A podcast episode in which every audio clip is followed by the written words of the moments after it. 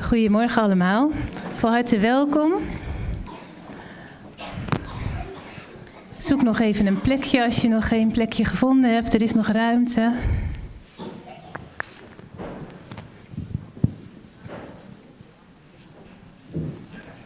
Fijn dat we met zoveel mensen bij elkaar gekomen zijn vanmorgen. Ook als u thuis meekijkt, van harte welkom bij deze dienst. Bijzonder welkom aan dominee Woudenberg. Fijn dat u er bent. Ons eigen gemeentelid en gaat vandaag bij ons voor. Een paar mededelingen. De eerste is uh, een dank, dank u wel aan u allen. Uh, aan het begin, of in het lopende jaar, vorig jaar, uh, leek het dat wij echt een groot tekort zouden hebben. 22.000 euro zouden we tekort komen. En zouden we onze garantstellers moeten aanspreken. Inmiddels hebben wij meer binnengekregen dan we nodig hadden. En daar zijn we echt heel dankbaar voor. Um, dan is er volgende week zondagavond een avondbijeenkomst die verzorgd wordt uh, door dominee Sjoerd Muller. En dat uh, zal gaan over het credo. Dat begint uh, om zeven uur hier in het Kristal, dus volgende week.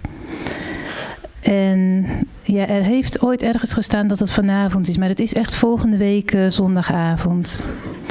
Uh, dan zijn er twee collecten. De eerste collecte is voor de herberg aan de Deventerstraat. Soms is het een plek waar de enige plek waar mensen dan nog terecht kunnen. Die uh, willen we van harte bij u aanbevelen. En de tweede collecte is voor ons eigen jeugdwerk, dus voor alle jeugd- en jongerengroepen binnen onze gemeente. Dan wil ik graag voorgaan in gebed. Vader in de hemel, ook vanmorgen ging de zon weer op en werd de morgen wakker gemaakt. Ook vandaag mogen we deze dag en deze dienst beginnen met een lied voor u. En we mogen weten dat wat er ook gebeurt en wat ons overkomt, dat wij geborgen zijn bij u, dat we ons veilig mogen weten. Heer, u weet hoe wij hier gekomen zijn. U kent onze situatie. U weet hoe wij in het leven staan, waar we tegenaan lopen. Heer wil met ons zijn. Wil deze dienst zegenen.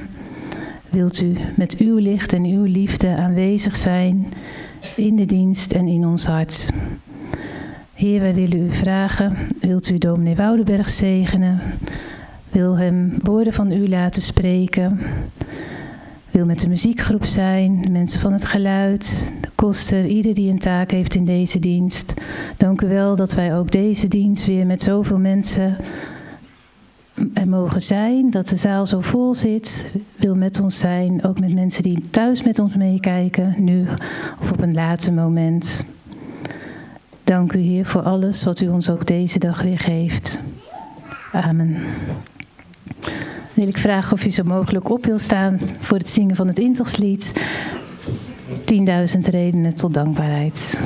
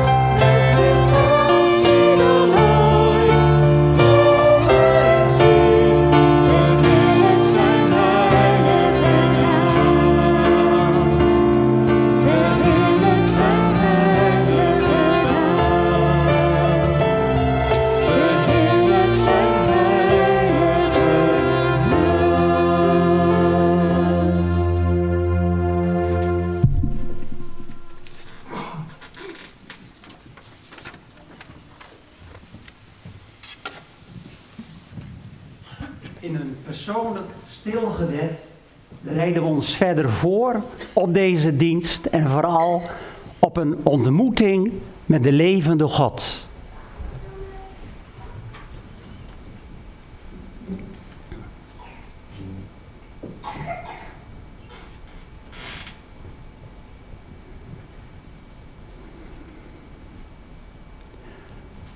Onze hulp is in de naam van de Heere, die de hemel, de aarde en elk mensenkind geschapen heeft.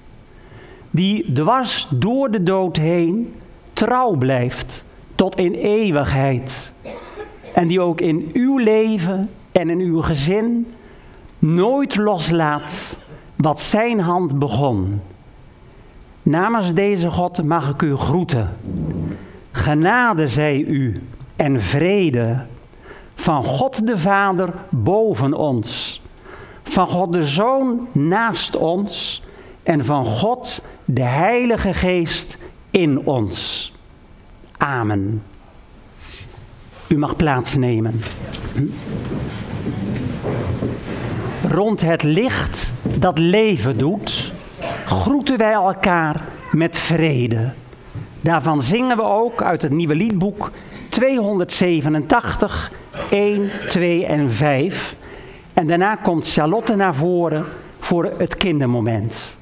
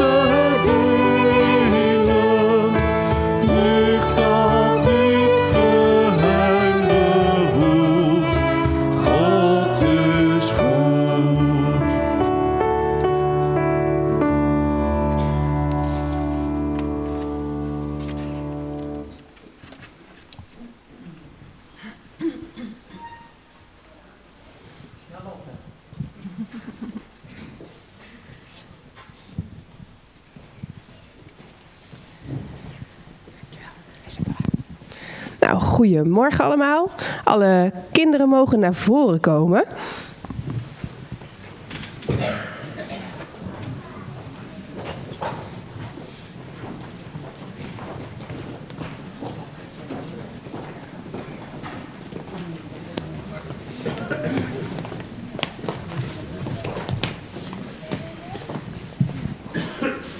Gezellig, dat zijn er een heleboel. Vanochtend gaan we het over het verhaal van ehm, rechter Deborah hebben. En Deborah die, ehm, die viert een overwinning. En ik ben eigenlijk wel benieuwd, hoe vieren jullie als jullie een wedstrijdje hebben gewonnen of een spelletje hebben gewonnen? Kan iemand dat zeggen? Word je dan blij? Ja, jij Jens? Ehm, dan ben je heel blij. Ben je dan heel blij? En hoe laat jij dan zien dat je blij bent? Want als je gewonnen hebt, vind je, dan vind ik dat je heel blij bent. Goed man, heel goed. Iemand anders nog dan? Wordt iemand ook wel eens verdrietig als hij gewonnen heeft? Ik had een keer een lied van papa gewonnen. Toen had ik verloren. Met, eh, met vechten. Met vechten en toen was je een beetje verdrietig? Toen kwamen alleen traantjes. Ah, ja, dat kan ook, hè? Ehm, nou, dan gaan we over naar het eh, kinderlied. En dan gaan we daarna naar de kinderkerk en gaan we het over eh, het verhaal van de rechter Deborah hebben.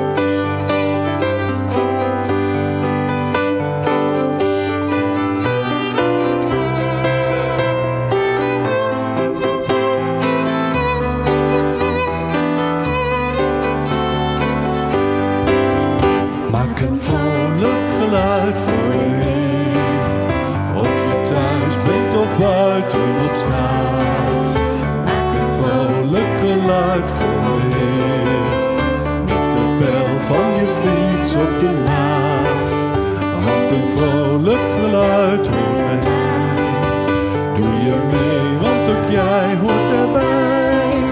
Zing in tocht, hoi hoi hoi, maak een vrolijk geluid voor de Heer. Maak een vrolijk geluid voor de Heer.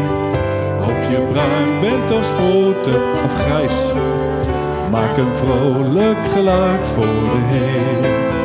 Met je hand of je voet of je mond. Want een vrolijk geluid maakt je blij. Ben je ziek of gezond, kom erbij. Ook je stem is van hem. Maak een vrolijk geluid voor de Heer. Maak een vrolijk geluid voor de Heer. Of je thuis bent of buiten op straat. Maak een vrolijk geluid voor de Heer. De bel van je fiets op de maat. Want een vrolijk geluid maakt hem blij. Dat hij jubelt met jou en met mij. Zing het wat, roep het op, hoi hoi hoi. Maak een vrolijk geluid voor de Heer. Ik zal nu al verklappen dat we de volgende keer daar met instrumentjes erbij gaan doen. Dus dat wordt nog veel spannender.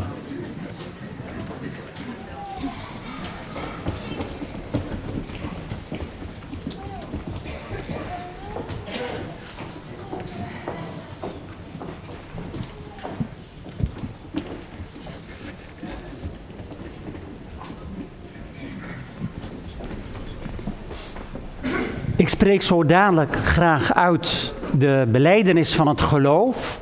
Daarin wordt verwoord waar we voor staan en waar we voor gaan. De beleidenis die wordt niet alleen hier uitgesproken en van harte onderschreven. Het is een ecumenische beleidenis. Dus in die woorden, wel oude woorden, vallen eigenlijk elk, alle kerkmuren weg en ook alle landsgrenzen. Daarna zingen we met elkaar over eh, als je hier door God wil worden geleid, kom je eens in zijn heerlijkheid. En het heeft met genade te maken. Die woorden zijn Psalm 73, de versen 9 en 10 en een evangelisch lied 203, Amazing Grace. Maar we zingen het in het Nederlands, genade zo oneindig groot. En mag ik u vragen als dat kan om bij dit alles te gaan staan. Ze hoeven zich niet verplicht te voelen. En als, als het te lang voor u is, gaat u op een gegeven moment gewoon zitten. Ik geloof in God, de Vader, de Almachtige, de Schepper van de hemel en van de aarde. En ik geloof in Jezus Christus, Gods enige geboren Zoon, onze Heere, die ontvangen is van de Heilige Geest, geboren uit de Maagd Maria, die geleden heeft en onder Pontius Pilatus is gekruisigd, gestorven en begraven, neergedaald in het rijk van de dood. Maar op de derde dag is hij opgestaan van de doden. Dat vieren we met paasfeest.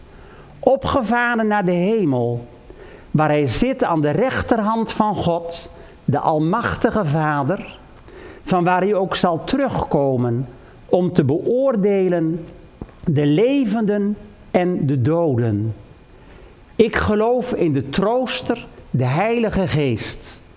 Ik geloof één heilige, algemene, christelijke kerk. De gemeenschap der heiligen, de vergeving van onze zonden, de opstanding van een nieuw lichaam en voor ieder die in hem gelooft, het eeuwige leven. Dat is prachtig. Amen.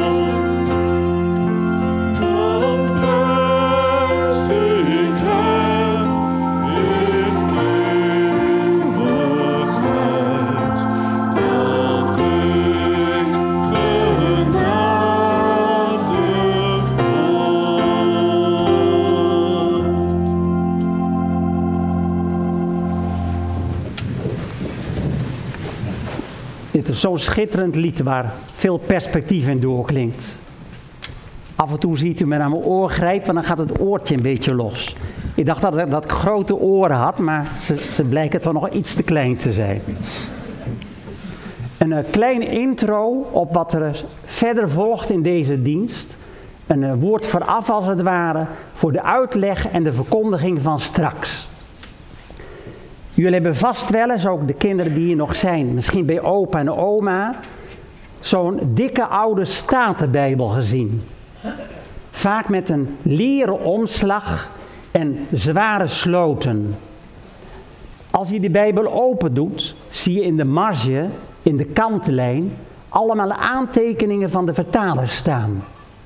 We noemen zo'n statenbijbel dan ook wel een Bijbel met kanttekeningen. Zo hebben wij thuis een kinderbijbel met kanttekeningen van Anne de Vries. In de jaren tachtig lazen we er onze vijf zonen uit voor. En zo kwam het, staat genoteerd op 5 februari 1981, het verhaal over de terugkomst van Jezus aan de orde. Nu mag u weten om beter te begrijpen wat ik ga zeggen, dat Anneke en ik in die tijd in de pastorie in Puttershoek de bijbelkringen en categorisatiegroepen meestal bij ons in huis hadden. De kinderen zagen ons dan ook regelmatig met stoelen sjouwen, overal vandaan, en dan aan het einde tellen of het benodigde aantal al hadden klaarstaan. 23, 24, 25. Bert-Jan, een jongetje van drie, vroeg ons toen, het staat in de kanttekeningen, pakt de Heer Jezus dan ook stoelen? En zijn er dan wel genoeg stoelen? En zag het blijkbaar voor zich. Waarom ik hiermee inzet, dit is nou kinderlijk geloven. Geen enkele twijfel of het wel allemaal zo is. Een leven na dit leven, de opstanding, een, een samen zijn. Geen enkele vraag of het wel zo zal zijn. Alleen maar hoe zal het zijn? En dat is mooi. En zo vanuit die geloofshouding sta ik hier ook vanmorgen. Als dienaar van het woord in uw midden. Want het woord is niet bij mij in dienst. Ik ben bij het woord in dienst. Ik heb deze en gene in de voorbije maand gevraagd. Waarover zouden jullie een, over welk thema zouden jullie een dienst willen meemaken? Meerdere antwoorden over het leven hierna. En over voorbereiding op dat hiernamaals. Ik meen dat het goed is, en het gebeurt ook wel, dat die vragen ook in onze diensten aan de orde komen. En dat mag ook vanmorgen gebeuren, vanuit dat kinderlijk geloof. Dus niet of er nog wel een leven is, niet of we weer een lichaam krijgen, niet of we elkaar weer ontmoeten, maar dat het zo is, dat zal ik straks gewoon uitleggen waarom ik dat geloof. Maar vooral omdat we in Jezus geloven, bij wie dat ook zo was. Maar hoe dan? Zullen er genoeg stoelen zijn? En andere kinderen vragen, vragen van tieners en jongvolwassenen en ook van vele ouderen. Ik heb deze vragen van de laatste tijd voor u op een bepaalde volgorde gezet. En ik hoop ze straks met u door te nemen. En ik geloof dat we innerlijk rijker hier vandaan zullen gaan nog dan dat we hier gekomen zijn. Achteraf blijkt het actueler te zijn. In de kerk zijn we ook heel actueel dan dat ik van tevoren dacht. Want juist in de afgelopen week was er iedere avond op SBS 6 een programma De 10 Vragen over het leven hier. Vanmorgen de 10 vragen over het leven hierna. Tien is wel heel wat, maar allemaal binnen een mooie tijd, denk ik. Zullen wij eerst in ons gebed voor de lezingen uit aan God vragen om inzicht. Want meer inzicht geeft ook meer uitzicht. Mag ik u voorgaan in gebed. Vader, dank u wel dat we hier zijn. Rond het boek van uw verbond. Uw verbond met Israël, een uniek volk, het volk. Uw verbond met alle mensen. In Jezus, In wie uw hart naar ieder uitgaat, welke kleur we ook hebben, wat ook onze achtergrond is, wat ook ons levensverhaal is. En wat ook onze vragen zijn, onze pijn, onze worsteling. Dank u wel dat u ons hier samen hebt gebracht. Mag deze dienst ons dichter bij u brengen en ook dichter bij elkaar. Wil u vragen of u ons handvatten wilt aanreiken, bruikbare handvatten, om uh, een duidelijker zicht te krijgen op dit leven en op het leven hierna. Niet om het allemaal in de grip te krijgen, laat staan het te begrijpen, maar om er doorgegrepen te worden. Geef dat we tegelijk zoekende mogen ontdekken al door u gevonden te zijn.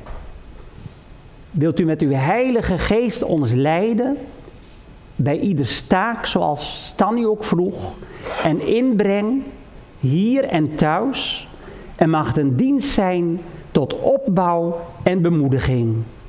Dat bidden we u en dat, dat verwachten we ook in Jezus' naam. Amen. Stanny zal voor ons de lezingen verzorgen. Ze kondigt zelf de versen wel aan. U kunt meelezen uit 1 Korinthe 15 en 1 Thessalonicense 4. En daarna zingen we als inleiding op de, op de uitleg liedboek 758, 1 en 3. Stanny.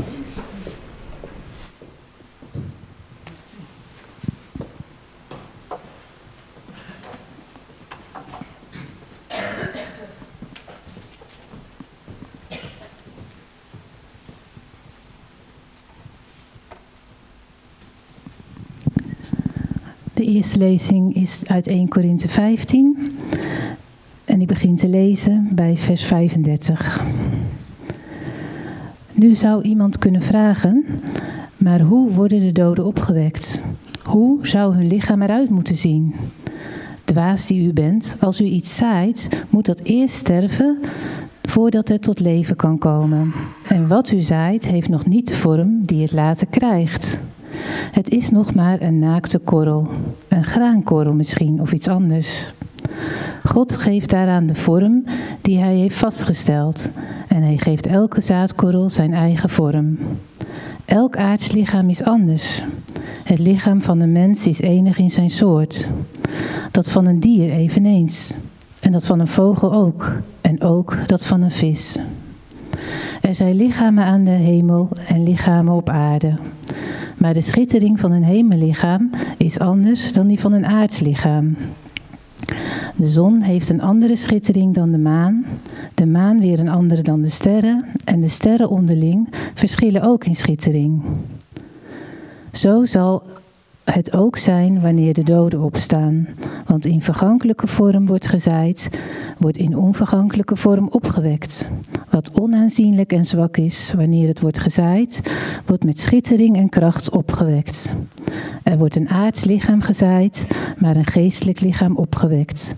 Wanneer een aards lichaam is, is er ook een geestelijk lichaam. Dan ga ik verder bij vers 50. Sorry. Wat ik bedoel, broeders en zusters, is dit.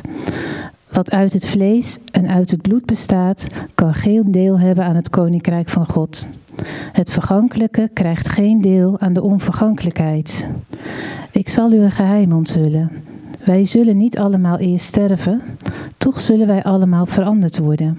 In een ondeelbaar ogenblik, in een oogwenk, wanneer de bazuin het einde inluidt. Wanneer de bazuin weer klinkt, zullen de doden worden opgewekt met een onvergankelijk lichaam en zullen ook wij veranderen. Want het vergankelijke lichaam moet worden bekleed met het onvergankelijke en het sterfelijke lichaam met het onsterfelijke. En wanneer dit vergankelijke lichaam is bekleed met het onvergankelijke, dit sterfelijke met het onsterfelijke, zal wat geschreven staat in vervulling gaan. De dood is opgeslokt en overwonnen. En dan gaan we verder naar 1 Thessalonicense.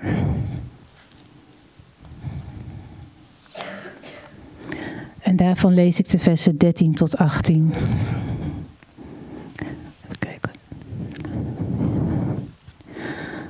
Broeders en zusters, Wij willen u niet in het ongewisse laten over de doden, zodat u niet hoeft te treuren, zoals zij die geen hoop hebben. Want als wij geloven dat Jezus is gestorven en is opgestaan, moeten wij ook geloven dat God door Jezus de doden naar zich toe zal leiden, samen met Jezus zelf. Wij zeggen u met een woord van de Heer, wij die in leven blijven tot de komst van de Heer, zullen de doden in geen geval voorgaan. Wanneer, wanneer het signaal gegeven wordt, de aartsengel zijn stem verheft en de bazuin van God weer klinkt, zal de Heer zelf uit de hemel neerdalen. Dan zullen eerst de doden die Christus toebehoren opstaan en daarna zullen wij, die nog in leven zijn, samen met hen worden weggevoerd op de wolken. En gaan we de Heer in de lucht tegemoet. Dan zullen we altijd bij Hem zijn. Troost elkaar met deze woorden. Tot zover de lezingen.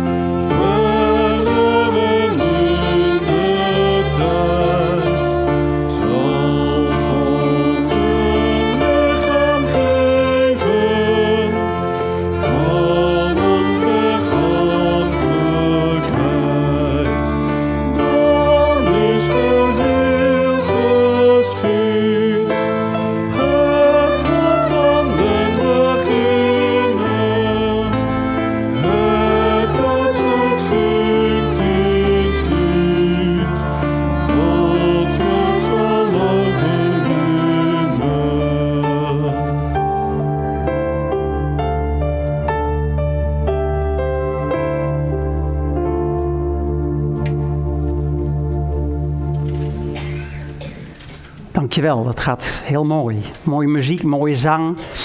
Ook voor jullie allemaal. En misschien zingt zit u thuis al hardop mee te zingen. Na de uitleg en de verkondiging zingen we een, een fantastisch opwekkingslied. 665.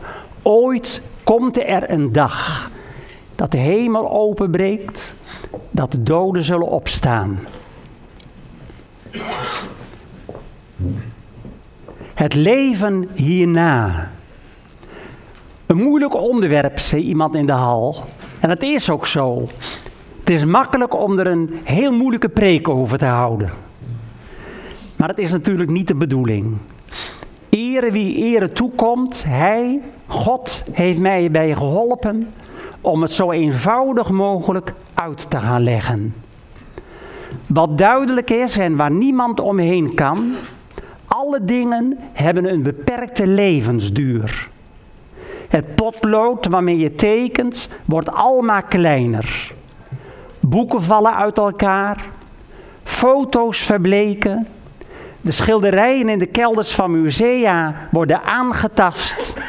En het cassettebandje van onze huwelijksdienst, mei 1976, is verpulverd. Ons huwelijk gelukkig niet. Maar het is geen eigen verdienste. Dat alles slijt, vergaat of kapot gemaakt wordt, geldt niet alleen dingen. Ook herinneringen vervagen, vriendschappen, relaties lopen soms stuk en mensen verdwijnen uit ons leven.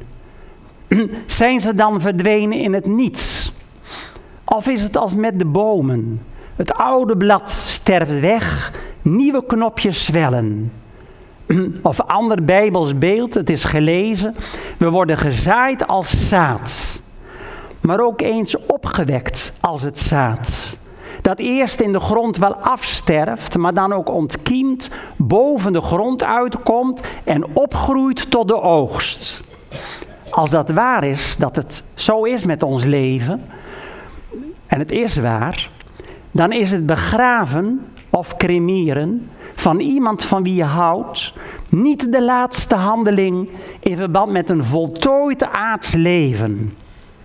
Maar dan is begraven, cremeren, mijn voorkeur is begraven, maar de ruimte daarvoor is juist de eerste handeling met het oog op een grote, grootse toekomst, namelijk zaaien en opgewekt worden. Maar nu de vragen. Vraag 1. Wat gebeurt er eigenlijk met je als je sterft? Met je lichaam en met je geest. Ik noem u meer dan dat ik normaal gewend ben. Bijbelhoofdstukken van morgen. U hoeft ze nu niet op te zoeken. U zou het kunnen noteren. Maar het is vooral dat als u het terugluistert, u het nog eens kunt gaan nazoeken. Dat u weet dat het echt vanuit de Bijbel komt. Als je overlijdt, zegt prediker 12, dan keert je stoffelijke lichaam, zoals, zoals we hier zijn, uh, als omhulsel, als huis van de ziel, terug naar de stoffelijke aarde, waar deze verder uiteenvalt. Maar je geest, je ziel, je persoonlijkheid keert terug tot God je schepper. Dat dit al direct gebeurt bij je sterven, blijkt onder meer uit Jezus' kruiswoord richting de berouwvolle crimineel, Lucas 23. Heden, vandaag al, zul jij met mij in het paradijs zijn. Dus geen zielenslaap. Je zult met mij in het paradijs zijn. Stefanus, de eerste martelaar door steniging, Handelingen 7, ziet in een visioen, wij zeggen in een bijna doodervaring, Jezus staande aan de rechterhand van God in de hemel. En hij vraagt hem om zijn geest te verwelkomen.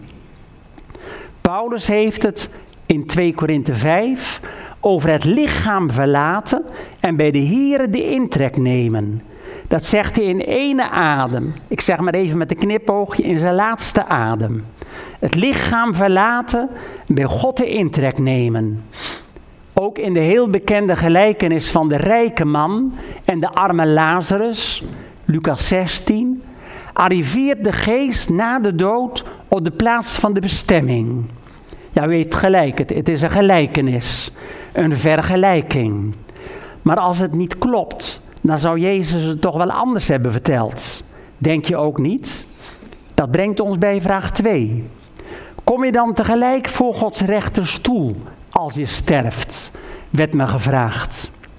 Ja, dat je meteen aankomt op de plaats, in het licht of in het duister, blijkt niet alleen uit de net genoemde gelijkenis. In Hebreeën 9, vers 27 staat dat het de mens beschikt is eenmaal te sterven en daarna het oordeel. Op het moment dat ik hier mijn lichamelijke ogen sluit, doe ik mijn geestelijke ogen open, mag het zo zeggen, aan de andere kant van de donkere tunnel, in het licht van God, bij zijn troon. Maar het is geen bangmakerij, juist niet. Want als u in God gelooft op uw manier, hoeft niet op mijn manier, en graag in Jezus als uw verlosser en Heer, dan mag je weten dat als je ineens in een flits of in een film de pijnplekken, wonden, zonden van je leven te binnenkomen, dan zal Jezus daar zijn tussen u en de Vader in het licht. En hij zal zeggen, ook voor Irene, ook voor Henny, ook voor Luc, ook voor Gert, ook voor Adrie, en vult u uw naam erin, heb ik mijn leven gegeven. Laat hem, laat daar ingaan in de vreugde van het feest. En dat zal gebeuren. Vraag 3. Het meest gesteld, ook het meest door ouderen. Vandaar het thema tot ziens, met misschien voor u een vraagteken. Zul je elkaar in het leven hierna dan ook herkennen? En hoe zit dat met relaties als man-vrouw, ouders-kind, broer-zus? Het beste kun je erover zingen. Als kind zong ik in bed met mijn zusje Tineke mee. Tineke lag in de slaapkamer daarnaast. Er zat een dun hardboordwandje tussen. Zo was dat toen. Een heel eenvoudig oud boerderijtje. Wij zongen samen. Ver boven een prachtig sterrendak. Daar is een heerlijk oord. Daar zien we elkaar ook eenmaal weer. En scheiden nimmer, nimmer meer. Een paasgezang zegt, een weerzien, dus een terugzien, zonder einde, zal verzoeten uw verdriet. Er is veel verdriet op deze aarde. Ik weet ook in uw leven. Dat weet ik niet van iedereen. Maar het verdriet wordt verzacht. Ook mijn verdriet wordt verzacht. En verzoet door dat vergezicht. Houdt het u wel eens bezig, deze vragen? Ik hoop het. De Sadduceeën, ze hebben een plek gekregen in de Bijbel, die niet geloven in een leven hierna. Dus al helemaal niet in een weerzien. Ze stellen Jezus een strikvraag, dus om hem vast te laten lopen. En dan is een vraag, wij kennen een vrouw die al meerdere keren weduwe is geworden. Ze is steeds hertrouwd. Nou, zegt de verlegenheidsvraag, van wie zal ze straks zijn? Heel belangrijk, al zou je alleen dit maar onthouden. Dat maakt het al duidelijk.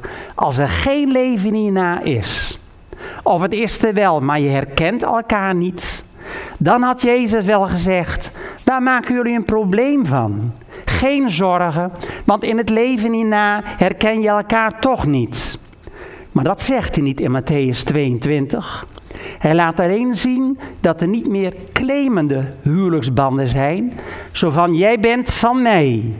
Maar wel herkenning, een liefdevol bij elkaar horen en een geruststelling voor hen die door omstandigheden vaker zijn getrouwd, zonder concurrentiegevoel.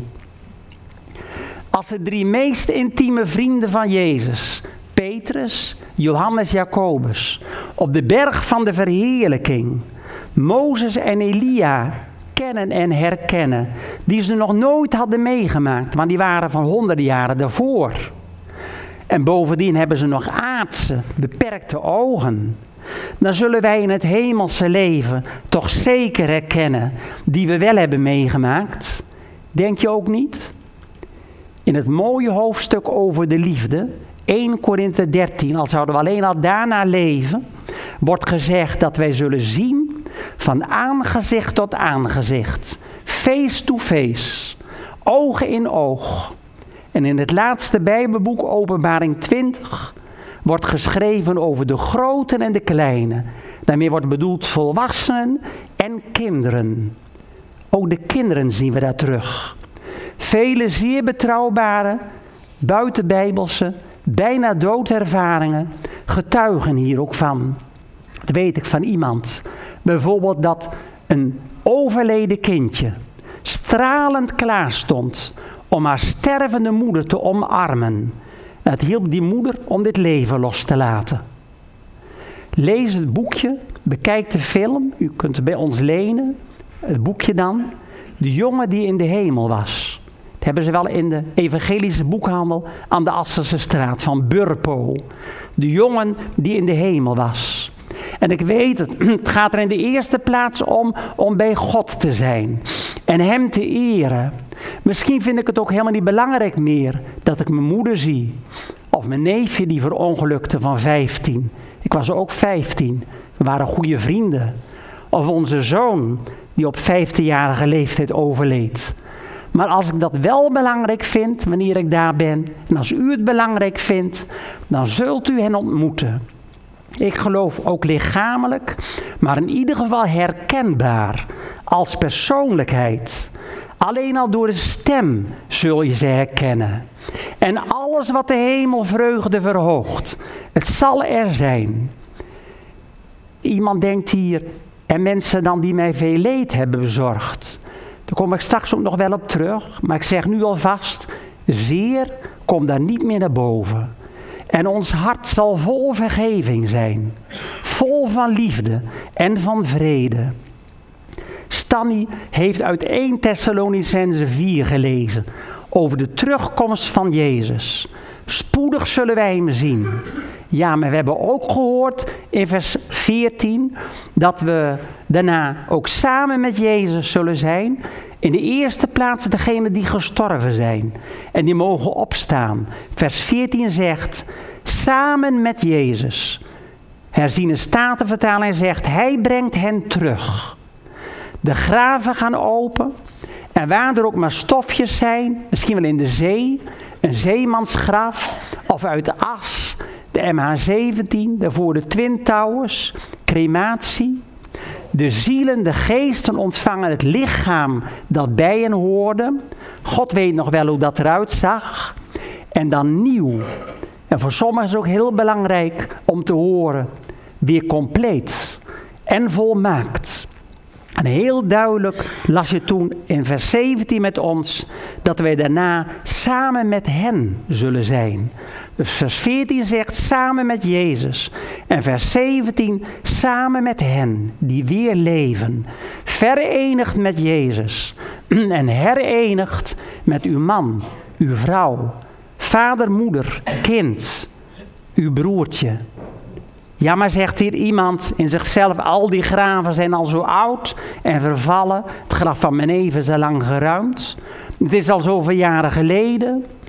Jezus zegt, u kunt het vinden in Johannes 5, de doden zullen naar de stem van de Zoon van God horen en ze zullen leven. Lieve mensen, we zullen elkaar straks daar nog veel beter begrijpen en vertrouwen. En dan zonder de angst dat we ooit nog afscheid hoeven te nemen. Vier. Sommige vragen gaan straks heel snel, ter geruststelling. Een vraag die dan tegelijk gesteld wordt, en wat met degenen die niet in de hemel zijn? Gaan we daar ook mensen missen? Voor sommigen is dat echt een oprechte vraag. In de hemel is geen verdriet, ook geen gemis. En daarom ben ik er persoonlijk van overtuigd dat iemand om wie u geeft en die daar niet zou zijn, dat die niet in u of mijn geheugen zal opkomen. Omdat er geen verdriet of gemis is. Maar er moet ons wel een extra impuls geven om nu, zonder opdringerig of fanatiek te zijn, dat niet, iedereen te vertellen van de noodzaak van een persoonlijk geloof. Van een persoonlijke bekering tot God. Maar vooral van de grote liefde van een wachtende vader die met open armen ieder hier en ieder buiten hartelijk verwelkomt. Ook met uw komst zal hij blij zijn. Gaat u hem blij maken? Praat u hier wel eens over met elkaar? Ook of u voor uzelf zekerheid hebt dat u na uw sterven eeuwig bij God mag zijn, behouden in het licht. Van huis uit ben ik er, ik zeg het met eerbied, binnen de Griffmiddenbond, aan de andere kant van de Veluwe. En ben grootgebracht dat je dat nooit zeker kunt weten. Maar dat doen we God tekort. Je kunt het zeker weten. Ik zal er straks mee afsluiten hoe je dat zeker kunt weten. Vijf. Kunt u nog wat preciezer zijn over hoe dat dan met dat lichaam is? Ben ik dan weer Johan Woudenberg? En u van Asselt of Buitenhuis? Net zoals Jezus van Nazareth, Gods zoon en de mensenzoon was voor Pasen, dus aan deze kant van het graf, zo was hij dat ook na Pasen, dus na het graf. Hij was nog steeds Jezus. Als de ogen open gingen, herkenden ze hem. Hij was nog steeds Jezus. Het evangelie vertelt, na Pasen nog, Lucas 24, dat hij brood at en vis. Hij had dus een maag, een lichaam. Maria Magdalena mocht er niet aanraken.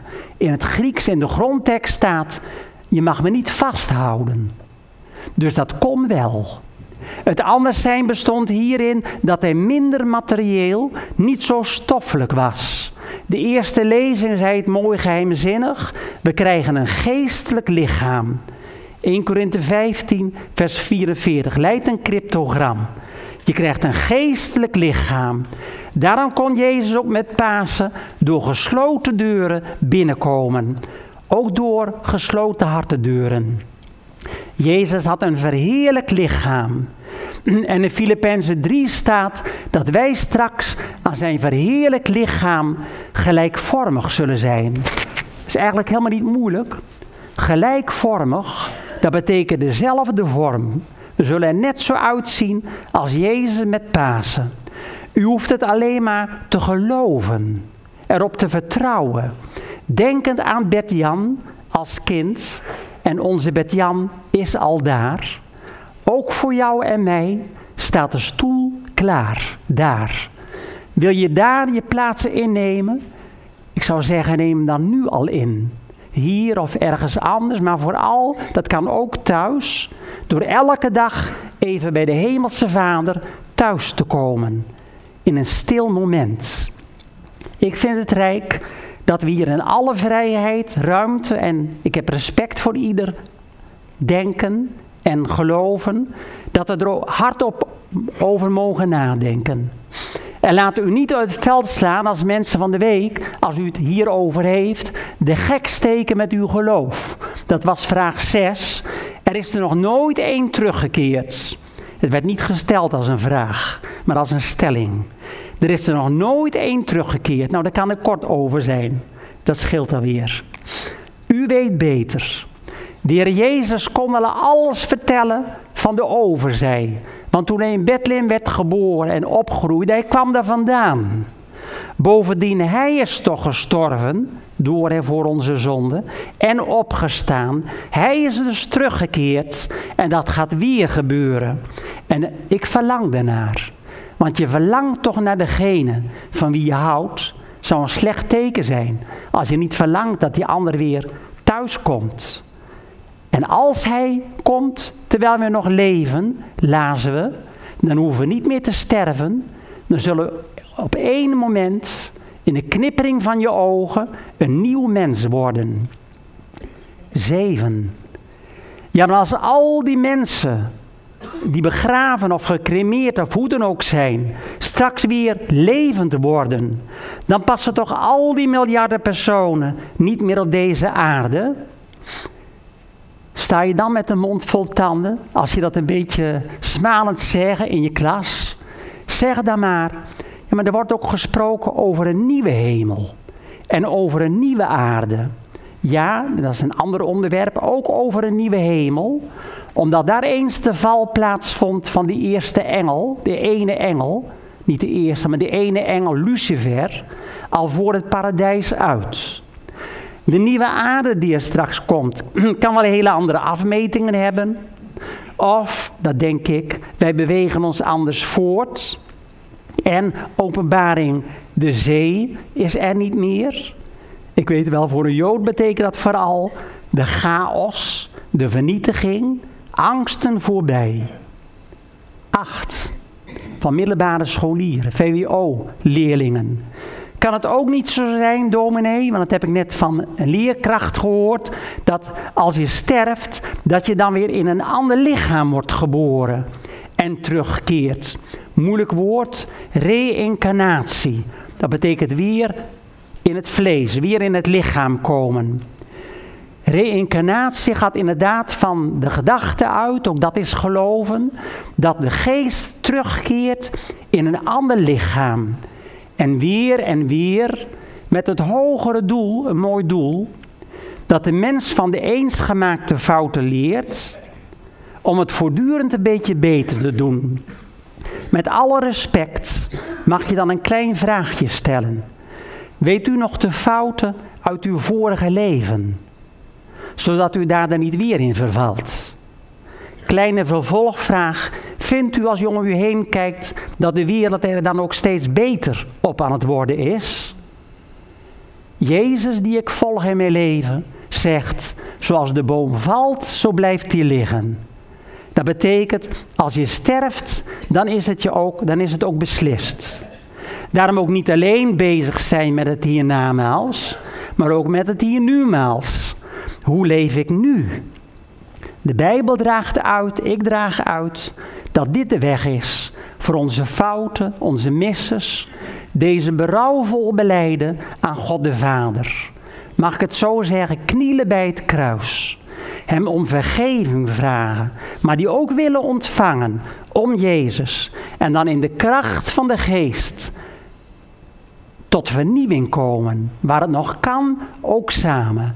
Elkaar nieuwe kansen geven. Ook uzelf nieuwe kansen geven. Op Gods hulp kunt u altijd rekenen. Ik kan het uit ondervinding zeggen, want ook ik leef al 70 jaar van genade. En nieuwe, één na laatste vraag. Als iemand nog nooit van Jezus heeft gehoord, die vraag hield mij vroeger heel veel bezig. Ik dacht dan ook dat ik echt wel de zending in zou moeten.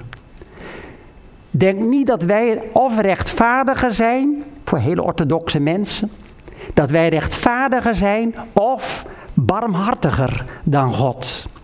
Aan de hand van Romeinen 1, vers 20, concludeer ik dat God elk mens op aarde, ook die nog nooit van het christelijk geloof heeft gehoord, eh, geschapen heeft met een bepaald besef van het hogere. We zijn allemaal geschapen naar Gods beeld en gelijkenis. Ik denk dat we daar ook het geweten aan over hebben gehouden. En dan staat er in Romeinen 1, en dan gaat het ook over alle schepsel op aarde, dat niemand is te verontschuldigen. Dus eigenlijk moet ik niet te veel bezig zijn met die ander, maar meer even mezelf onder de loep nemen. Want onze verantwoordelijkheid is groter. Ik geloof, daar ben ik echt ook van overtuigd, dat God iedereen zal oordelen. En dan bedoel ik evalueren. Niet dat hele zware woord, maar evalueren naar wat hij of zij wist en wat daarmee is gedaan. En er zijn indianenstammen in Brazilië, op hen heb ik me destijds vooral gericht, die aan zendelingen vertelden, aan Betty Smit van het leger des heils, dat Jezus al aan hen was verschenen in dromen voordat de zendelingen kwamen. En voor de tv zag ik moslims die hetzelfde getuigen. God kan elk mens op aarde bij zijn heil betrekken. Op zijn wonderbare wijze. Ik heb veel te lang te klein menselijk van God gedacht. De geest waait waarheen hij wil, zegt Jezus. Ook buiten de kerken. De grote opdracht, alle volken dat gunnend, dat evangelie te vertellen, die opdracht blijft. Want of zeg ik in beeldtaal, of je bent nog een zendingsveld, of je bent al een zendeling. Dat je graag deelt waar je vol van bent en van wie je vol bent. En daarna ga ik afsluiten met de laatste vraag voor deze dienst, zoals beloofd. Wanneer mag je zeker weten deel te hebben aan het eeuwige leven? In andere woorden, is het eeuwige leven dan ook voor mij? Ik noem u eerst een Bijbeltekst. Die zou voor Fonteiners in ieder geval voldoende moeten zijn. Maar als extra nou hier toch bent, nog een voorbeeld daarna. Want voorbeelden onthouden we vaak beter. Eerste Bijbeltekst. Gods woorden zijn 100% betrouwbaar. Als ik dat niet wist, dan had ik mijn taak al lang opgegeven. Jezus zegt, en hij belooft ook ons, Johannes 11, vers 25. Ik ben de opstanding dus niet alleen ik ben opgestaan, maar ik ben de opstanding en het leven. En dan zegt hij, ik las het van de week boven een rouwadvertentie van een 49-jarige collega. Dan zegt hij, wie in mij gelooft, dus vertrouwt, die zal leven. Ook als die sterft. Ja, wat is dat dus geloven? Geloven is vertrouwen. Vertrouw je maar aan hem toe. Voor het hier numaals, alles van deze week. En voor het hiernamaals. Je leven wordt er zoveel rijker door. En ook de levens van de mensen om ons heen. Dus nog één keer die tekst. Johannes 11. Ik ben de opstanding en het leven. Wie in mij gelooft, die op mij vertrouwt, zegt Jezus, die zal leven, ook als die sterft. En dan nu het historisch, dus waar gebeurd voorbeeld. Een zeer vermogende, rijke Engelse lord verloor zijn vrouw toen hun enig kind nog heel jong was. Een huishoudster kwam om al haar zorg aan dit kind te besteden. Maar ook de jongen overleed, 14 jaar jong. Omdat de, ja, het verlies voor die man, voor die vader, zo groot was. Ik weet niet hoe, maar stierf ook hij kort daarna, zonder erfgenamen omdat de overheid weinig geduld had, werd al het bezit van de man al spoedig met bemiddeling van een notaris geveild. De huishoudster had weinig geld, maar één ding wilde ze zo graag: een tekening van die jongen. Achter, uh, aan wie ze al haar zorg en aandacht had gegeven. Tekening achter glas. Toen deze tekening als eerste geveild werd, was er geen bieder behalve deze vrouw. Ze mocht de tekening meenemen. Een klap met de hamer en de notaris zei: De veilingmiddag is hiermee gesloten. Gestommel onder de mensen. Wat krijgen we nou? En die zieke sofa dan. En dat prachtige schilderij. Dat stil leven. Heb ik 300 kilometer voor afgelegd. De notaris las de laatste wilsbeschikking van de Lord, van de Vader voor, met als inhoud, en nu komt het, mijn hele vermogen, alles wat ik heb en alles wat ik ben, gaat naar diegene die zoveel genegenheid heeft voor mijn zoon, dat hij of zij dat portret wil hebben. Lieve mensen, het antwoord op alle vragen hiervoor en op alle vragen waarmee u nog blijft zitten, die nog niet beantwoord zijn. Het antwoord op de zoektocht naar de zin van het soms best van moeilijke leven. Ja, het eeuwige leven geeft de Vader aan wie de Zoon lief heeft. En die Zoon heet Jezus. Bent u de gelukkige? Wat God betreft wel. Ik mag naar iedereen zeggen nu u nog. Amen.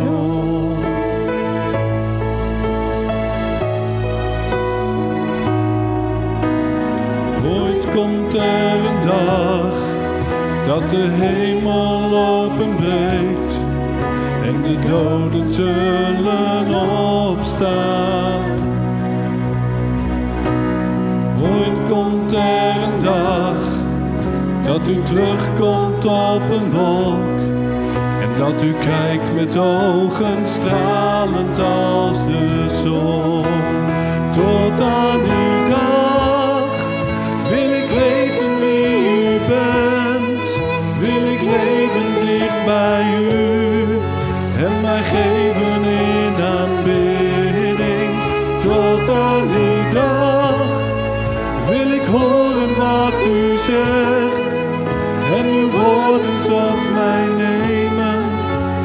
kostbaar geschenk. Tot aan die dag.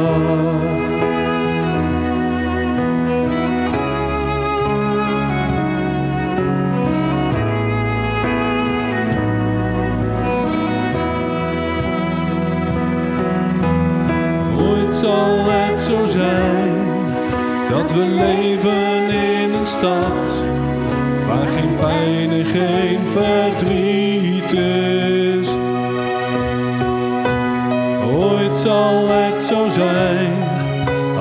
komen in die stad dat de Vader onze tranen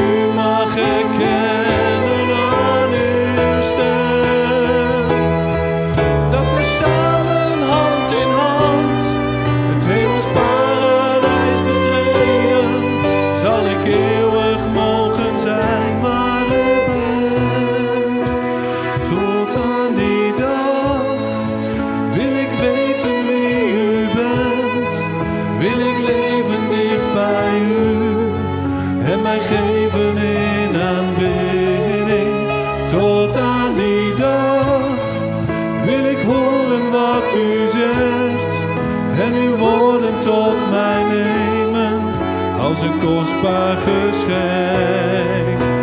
Tot aan die dag wil ik weten wie u bent. Wil ik leven dicht bij u en mij geven in aanbidding. Tot aan die dag wil ik horen wat u zegt en uw woorden tot mij nemen als een kostbaar geschenk.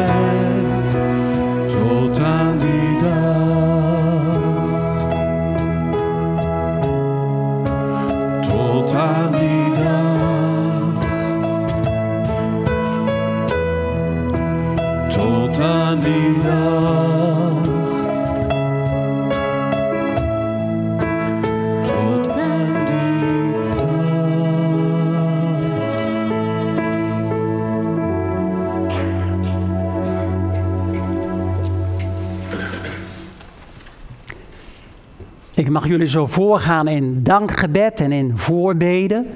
Er is ook een moment van stilgebed dat u in de stilte van uw hart kunt delen wat u het meest bezighoudt. Dus dat doen we niet hardop, dat doen we in de intieme plek in ons hart. En we eindigen daarna met het gezamenlijke ecumenische Onze Vader. In het voorbedenschrift, u kunt er altijd daar in de hal uw gebeden noteren. Daar staat of we de dankbaarheid bij God willen brengen voor de vriendengroep, onder andere van Fontein Jeugd, die een goede wintersportreis mocht beleven. En daar staat erbij, met een klein knipoogje, vragen ook om een eh, goede terugreis voor de pekvogels met een lekker band. Hopelijk vinden ze ook behulpzame mensen onderweg. Want je moet ook christen zijn op de straat.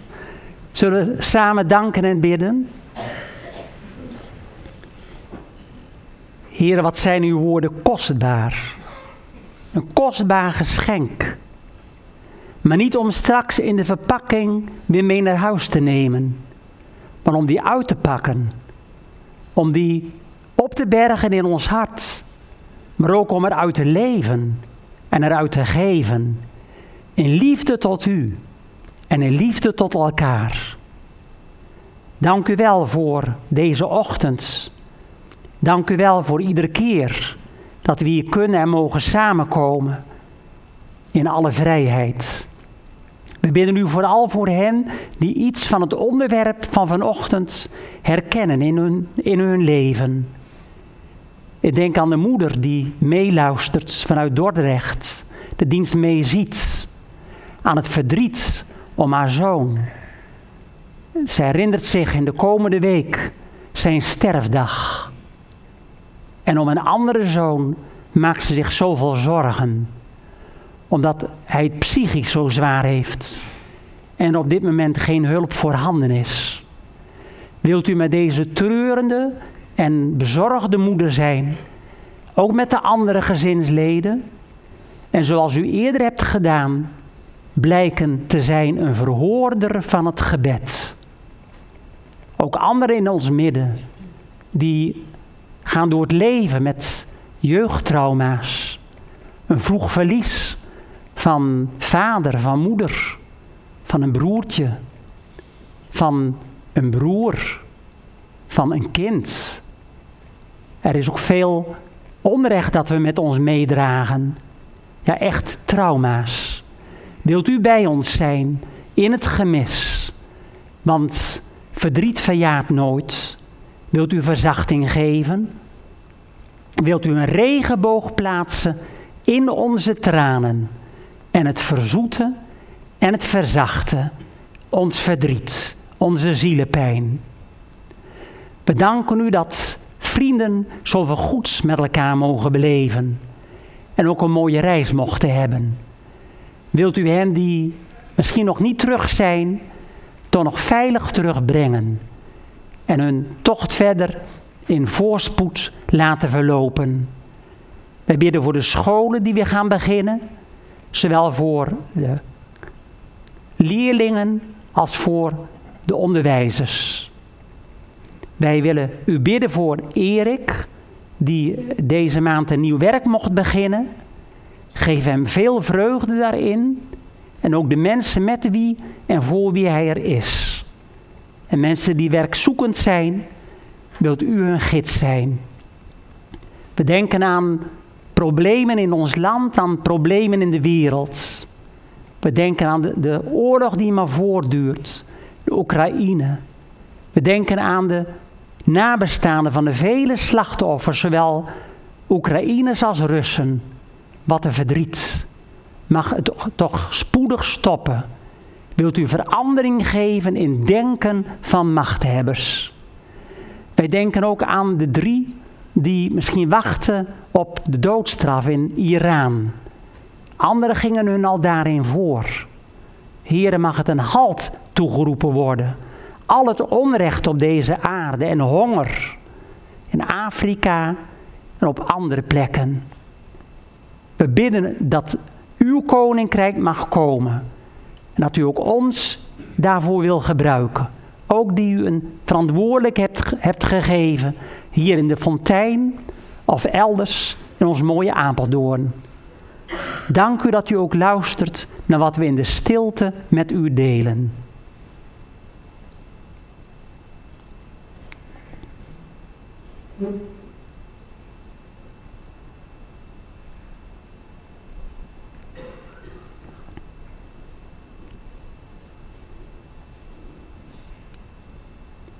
En herijk al onze gebeden naar het gebed dat uw zoon ons leerde en dat we samen bidden.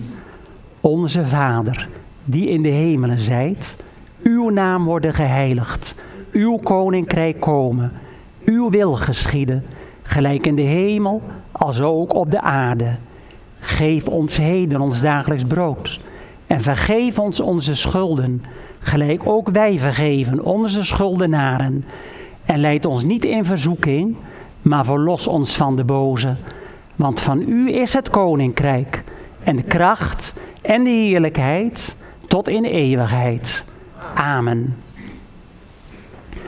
Mocht u voor het eerst hier zijn, fijn. En u heeft er niet aan gedacht dat er in een kerk ook wel eens wordt gecollecteerd. Moet u zich niet verlegen eronder voelen. Er worden twee collectors gehouden, u heeft het al gehoord.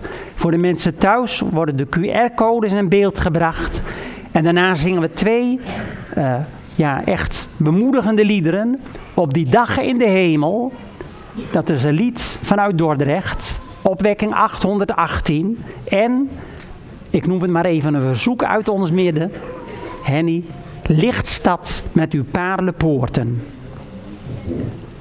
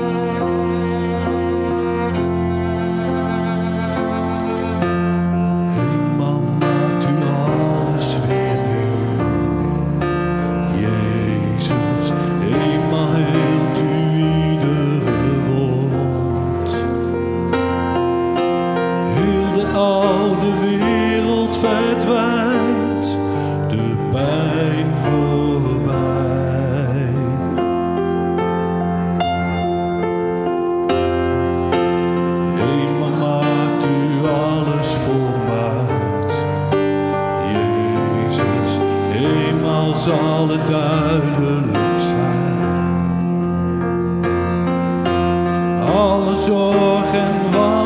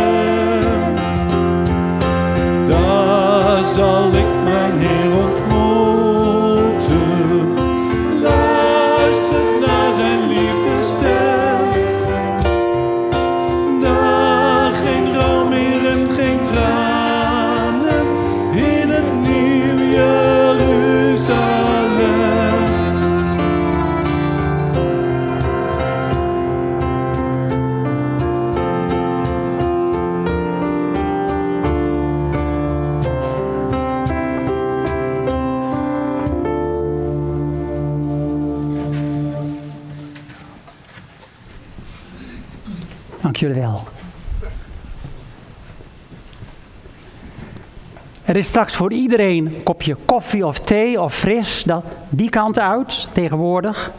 Nee, toch wel daar? Oh, het gebak was daar neergezet. Wel daar? Ja? Nou, die kant gaan we uit, door die deuren. En dan vindt u het wel. Ze het gebak wel op karren met wieletjes hebben gezet. Als u behoefte heeft aan een nagesprek, schiet iemand of mij als u wilt reageren op de dienst, in de adressenlijst staat mijn mailadres. Het mag altijd, hoeft niet. En dan kan ik u ook het bestand van de dienst toezenden. Ik weet niet of ik nog verstaanbaar ben. Ja? In ieder geval mogen we na deze dienst zeggen, en dan met allemaal hoofdletters, tot ziens. En dan met een uitroepteken. Laat groot en klein gezegend zijn. De genade van onze Heer Jezus Christus, de liefde van God de Vader en de vrede door de Heilige Geest met u allen. Amen.